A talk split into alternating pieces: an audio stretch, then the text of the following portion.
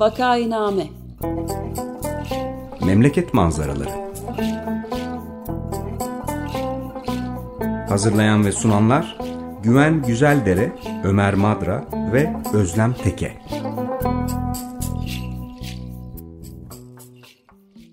Günaydın, Vakainame'ye hoş geldiniz. Burası 95 FM Açık Radyo. Vakainame'yi Ömer Madra, Özlem Teke ve ben Güven Güzeldere birlikte sunuyoruz. Bugün konuğumuz edebiyatçı ve felsefeci yazar Meltem Gürle. Hoş geldin Meltem. Hoş bulduk. Herkese merhaba. Merhaba, hoş geldin.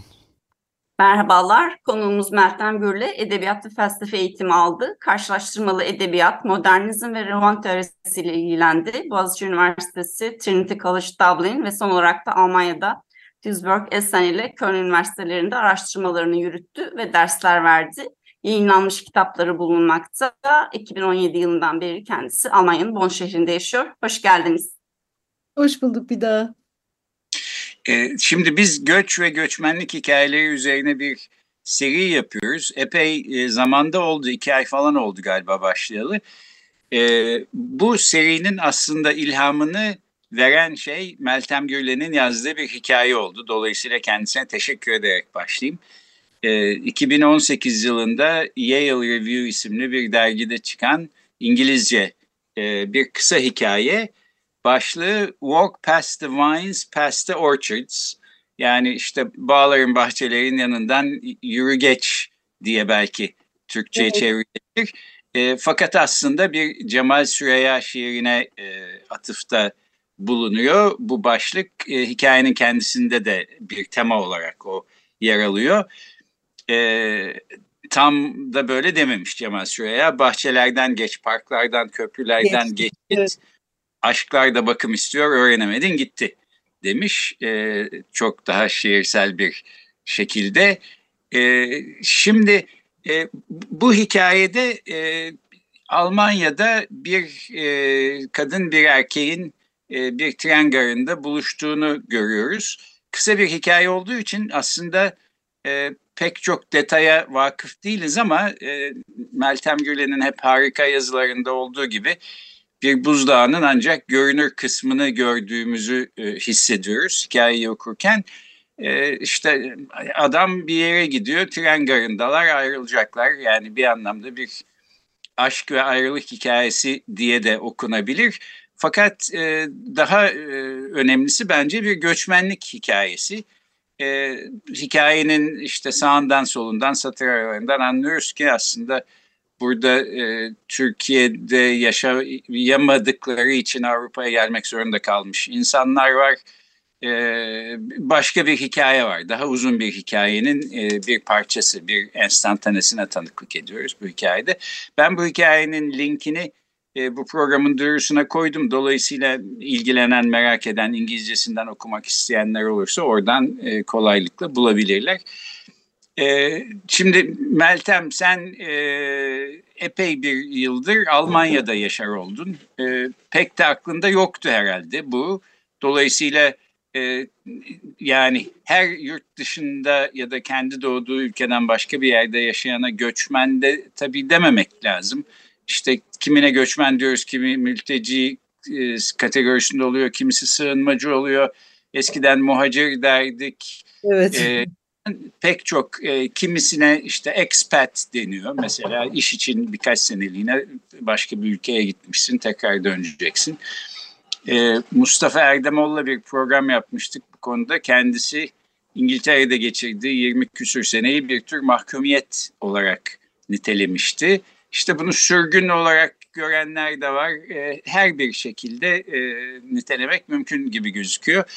E, sen de bu konularda hem iyi gözlem yapan hem de işte bizzat içinde e, bu tecrübeyi yaşamakta olan, e, geçirmekte olan birisi olarak bu e, işte Almanya göçmenliği diyelim hakkında ne söylemek istersin? Evet Güven ya bir önce bir başından başlayacağım hikayeden. Ee, şeyi hatırlatmak istiyorum. Belki sana yazmamış olabilirim onu. Ee, bu hikayenin Türkçesi de var. Ee, bu bir barış akademisyenleri hikayesi aslında. e, Barış Akademisyenlerinden Öyküler adlı bir derleme kitap çıktı. Hmm. O kitabın içinde bu öykünün Türkçesi de var. Aslında önce Türkçesi yazıldı. Ee, aynı dönemde ben Trinity'deydim. Orada bir arkadaşıma bu öyküden bahsetmiştim. Türkçe bilmeyen bir arkadaşıma. O öyküyü çok merak etmişti. Onun hatırına öyküyü İngilizceye çevirdim. Ve e, önce tesadüfen bir şekilde daha Türkçesi basılamadan İngilizcesi Yale Review'da yayınlandı. Dolayısıyla Türkçe okumak isteyenleri de o kitaba yönlendirmiş olayım. Ee, Barış ben o duyuruya çok teşekkürler. Bunu sayeden bilmiyordum. Evet. Yani barış akademisyenlerinin hikayesine bir katkıda bulunmak istediğim için bunu yazdım. Beni bu süreçte en çok etkileyen şeylerden biri yani işte hepimiz bir yerlere savrulduk. Türkiye'de kalanlar da savruldular. Uzun, zorlu, eziyetli bir süreçti o. Ve e, ilişkileri çok etkiledi. Özel ilişkileri, yakın ilişkileri, çok etkiledi, çok sarsıcı oldu. Bu tarafı aslında çok görünmedi. Daha çok bizim işte ön planda siyasi mücadelemiz göründü. Arkada halbuki çok ağır duygusal travmalar yaşandı. Çocuklar, sevgililer, karı kocalar bir sürü sıkıntı yaşadılar. Onlardan birine ses vermek istedim. O hikaye öyle yazıldı. Bir de aslında gizliden gizliye bir Hemingway e, göndermesi olan bir hikaye o. Onun için öyle bir üslupla ve dille yazıldı. Yani buzdağının tepeciği ondan görünüyor. Aşağısı daha büyük. E, işime gelen bir üsluptu o. Bir Hemingway hikayesine göndermedir aynı zamanda. E, Almanya'daki tecrübeye gelince Barış Akademisyenliğinden gireyim o zaman. Yani çünkü hakikaten burada e, yabancılığın farklı farklı isimleri var. E, ama hani böyle bir sebeple ani bir şekilde artık Türkiye'de yapamıyor olmaktan dolayı savrulduğunuz zaman kendinize ne diyeceğinizi bilemiyorsunuz. Yani burada tabii e, kendini expat olarak tanımlayanlar da var ama biz expat e, değiliz. Bu aslında çok seçilmiş bir yolculuk değildi çünkü. Belki çok şey de değildi. Yani yani sürgün demek de çok dramatize etmek olur gibi geliyor bana bazen e, burada çok daha ağır koşullarda, çok daha zor şekillerde yaşayan insanlar var. Dolayısıyla onu da hep aklımda tutarak konuşmak istiyorum ama farklı farklı e, isimleri var. Buraya geldiğimde hep böyle kafamda çınlayan şey vardı. Hannah Arendt'in o meşhur Biz Mülteciler yazısında e, kayba dair insanın e, ülkesinden çıkmak zorunda olduğu zaman kaybettiği şeylere dair söylediği o işte evimizi kaybettik, gündelik yaşamın aşinalığını kaybettik, işimizi kaybettik, dünyada işe yaradığımıza dair inancı kaybettik, dilimizi kaybettik diye gidiyor ya. Yani o tabii çok daha trajik bir duruma istinaden söylüyor bunu. Holocaust'u anlatırken söylüyor, karşılaştırılamaz bir durum ama e, insanın o gündelik yaşama aşinalığını kaybetmesi galiba benim için en e, birincil ve en ağır tecrübeydi burada. Yani tanıdığım şeylerin e, artık orada olmadığı bir dünyaya gözümü açıyor olmak her sabah. Bir de yani dille ilgili yani ben dilini konuştuğum bir ülkeye geldim. Birçok arkadaşımız e, bu dili de konuşmuyorlardı. E, ama başında bana avantaj gibi görünen işte ya Almanca konuşuyorum, anlıyorum duygusu bir süre sonra kendini şeye bıraktı. Ya ben bu dili konuşuyorum ama e, davranış toplumsal adet dilini konuşmuyorum ve bana asıl ağır gelen o. Yani asıl iletim iletişim kurmakta zorlandığımız yer orası. Dilin kendisi değil de o toplumsal yaşayışın dilini konuşamıyor olmak. İlk tecrübelerim bunlar. Şimdi biraz daha aşina olduğumu söyleyebilirim. Ama e, benim bir şey imgem var kafamda. Bazı e, karton kutuları hiç açmamış olmak imgesi. Yani hep gidebilirmişim gibi, geri dönebilirmişim gibi ya da bazı bavulları işte yakın bir yerde tutmak gibi. Bunu bizden çok daha önce buraya gelen e, birinci nesil e, bir e, abimize söylemiş bir arkadaşım, e, Türkiye'li bir abimize yine benim gibi buraya savrulan bir arkadaşım aynı şeyi söylemiş. Bak ben bavulumu hiç kaldırmıyorum falan diye. O da e, demiş ki Ay çok acı bir laf. Bunu bu, ilk defa mı anlatıyorum yoksa kendi kendime ilk defa mı seslendirdim bilmiyorum. Uçağın altında tabutta dönersin canım. Hiç heyecanlanma demiş. O lafın ağırlığı e, üzerimde duruyor. Yani buradaki e, 1960'larda buraya gelmiş e, Türkiye'li işçilerin birçoğu hakikaten e, öyle dönmüşler çünkü. Onun hatırası, anısı duruyor demek ki burada canlı. E, onu hep hatırlıyorum o bana aktardığı şeyi. Böyle Evet, ilk, bu, ilk şeyim bu. bu söylediğin şey hatırlanmayacak gibi de değil. Çünkü insan işte bir sene, üç sene derken birden on sene, otuz sene, elli seneyi e, bulabiliyor. Bunun aslında yalnız e, Türkiye'den e, Türkiye dışına gitmiş e, insanların bir endişesi olmadığını da söylemek lazım. Galiba Ercüment Akdenizli birkaç hafta önce e, Türkiye'deki Suriyeli göçmenlerden bahsederken e, Suriye'de doğmuş büyümüş sonra Türkiye'ye gelmek zorunda kalmış insanların en büyük kaygısının aslında Türkiye'de ölmek, Suriye topraklarına gömülememek falan olduğunu söylemişti. Dolayısıyla burada herhalde öyle ortak bir yan var. E, şimdi ben de peki en başından alayım. Sen Boğaziçi Üniversitesi'nde öğretim üyesiydin. Aslında Barış Akademisyenleri davasında yargılanırken yurt dışına gitmenin daha doğru olacağına karar verdin. E, işte yurt dışında çeşitli burslarla çeşitli yerlerde bulundun. İrlanda'da bir sene geçirdin filan Evet. mesela. Ana e, üssünüz Almanya oldu gibi gözüküyor. Almanya oldu. Ya bir de tabii iki kişilik bir meseleydi bu. Yani e, eşim ve ben birlikte hareket etmek durumundaydık. Onun için evet birbirimizin ayak izlerini izledik sanıyorum. Hikayedekinin aksine. Evet, e, eşin de Boğaziçi Üniversitesi'nde öğretim üyesiydi. E, dolayısıyla yani İstanbul'daki kurulu yaşamınızı e, geride bırakıp bambaşka bir hayata doğru atlamak zorunda kaldınız bir anlamda. Ben şimdi burada senin söylediğin bu yani dil ile anlaşabilsek bile onun dışındaki e, kültürel e, işte normları çok benimseyemiyorum. O anlamda e, iletişimde eksiklik oluyor e, sözüne geri dönelim istiyorum. E, ne hissediyorsun bundan ve nasıl bir eksiklik oluyor? Yani e, aslında tabii çok yani saatlerce konuşabilirim bu konuda ama zamanımız dar. E, bunun aslında teşhisini en güzel e, meslektaşım e, kendisi de Barış Akademisyeni olan Meral Camcı e, koymuştu. Bir yerde de yazdı bunu ama şimdi tam hatırlamıyorum e, yazının başlığını.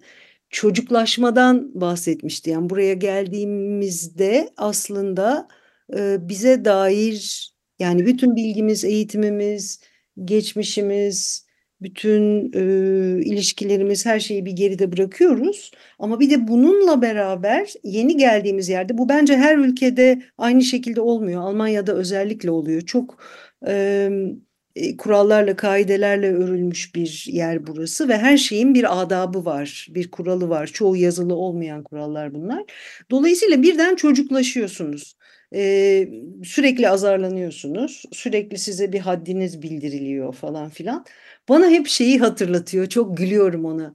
Ee, Donald Barthelme diye bir e, Amerikalı öykücü yazar vardır. Onun Me and Miss Mandible diye çok tatlı, komik e, bir öyküsü vardır.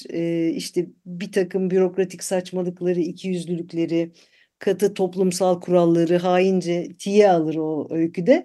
Orada e, 30'lu yaşlardaki yetişkin bir adam olan ana karakter ve anlatıcı başarılı olamadığı düşünüldüğü için ilkokula birinci sınıfa geri gönderilir. Ve Evet. onun gözünden dinleriz hikayeyi. İşte orada yeniden eğitim görmesi için e, şey tedrisata girer yani yeniden. Ben kendimi öyle hissediyorum.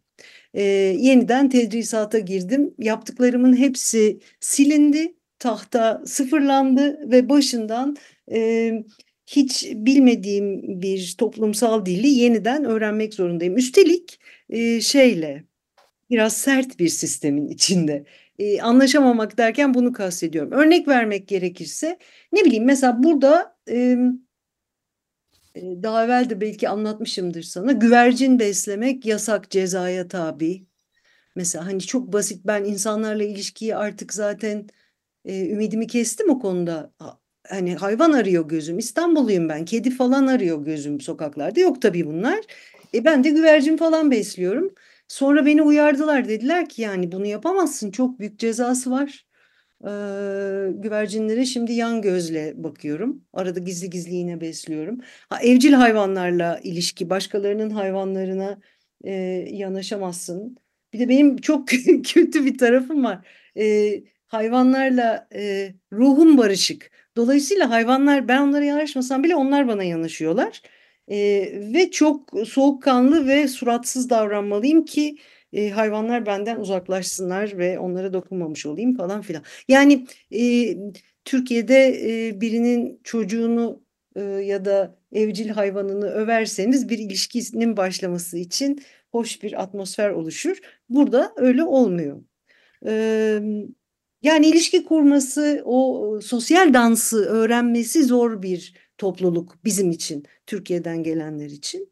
E, Ben öyle. bir de genel çerçevede bir şey sorabilir miyim? Yani kişisel deneyimlerin ötesinde şimdi e, her bütün programların neredeyse hepsinde bu iklim krizinden e, bahsetmeden geçemiyorum. Giderek de artan bir muazzam felaketle karşı karşıya olduğumuzu gösteren sayısız e, yazı çıkıyor. Şimdi 2020'de e, yanılmıyorsam bir e, Amerika Birleşik Devletleri'nin National Academy of Sciences'da yani Ulusal Bilim Akademisi'nde bir derecelik bir e, artışın santigrat olarak dünya e, şeyinde ikliminde yaklaşık olarak e, her bir derecelik artış için bir milyar insanın göçme, göçmek zorunda kalacağı başka ülkelere gitmek zorunda kalacağını tahmin eden bir araştırma yayınladı. Bu tabi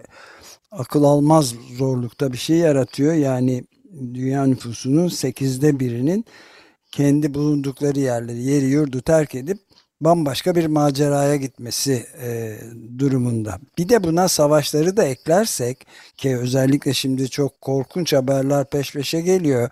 Yani Gazze'nin bu hem Batı Şeria'da da başladı şimdi İsrail saldırıları artmaya ve daha bu 7 Ekim Hamas terör saldırısından sonra İsrail çok sayıda binlerce Filistinli işçiyi Gazze'ye geri yolladı ve o sırada da 10 binde İsrail'de çalışan tarım işçisi de ülkeden kaçtı. Şimdi o zaman İsrail inşaat firmaları da hükümetten şey istiyorlar. 100 bin Hindistan'dan Filistinlerin yerine göçmen alabilir miyiz diye. Yani böylesine bir olağanüstü boyutlarda bir dünya çapında bir felaketten bahsediyoruz. Bu nasıl konuşuluyor mu? Bunun üzerinde de bir iki kelime konuşabilir miyiz? Tabii tabii memnuniyetle. Kişisel deneyimlerin ötesinde Almanya'daki tansiyondan biraz bahsedebilirim size. Evet, Almanya göçmen olmanın e, o tarafından. E, hakikaten dünyanın çok acayip bir dönemecindeyiz. Sadece iklim krizi değil, en önemlisi o tabii, en tepede o duruyor. Ama işte çoklu savaşlar e, ve büyük göçlerle belirlenen bir zamana geldik. Almanya da bundan payını alıyor. E, hem savaşlardan hem e, iklim yüzünden yapılan göçlerden. E, Şu anda e, Almanya'da m, Ukrayna Rusya hikayesinin neticesi olarak çok sayıda Ukraynalı göçmen var.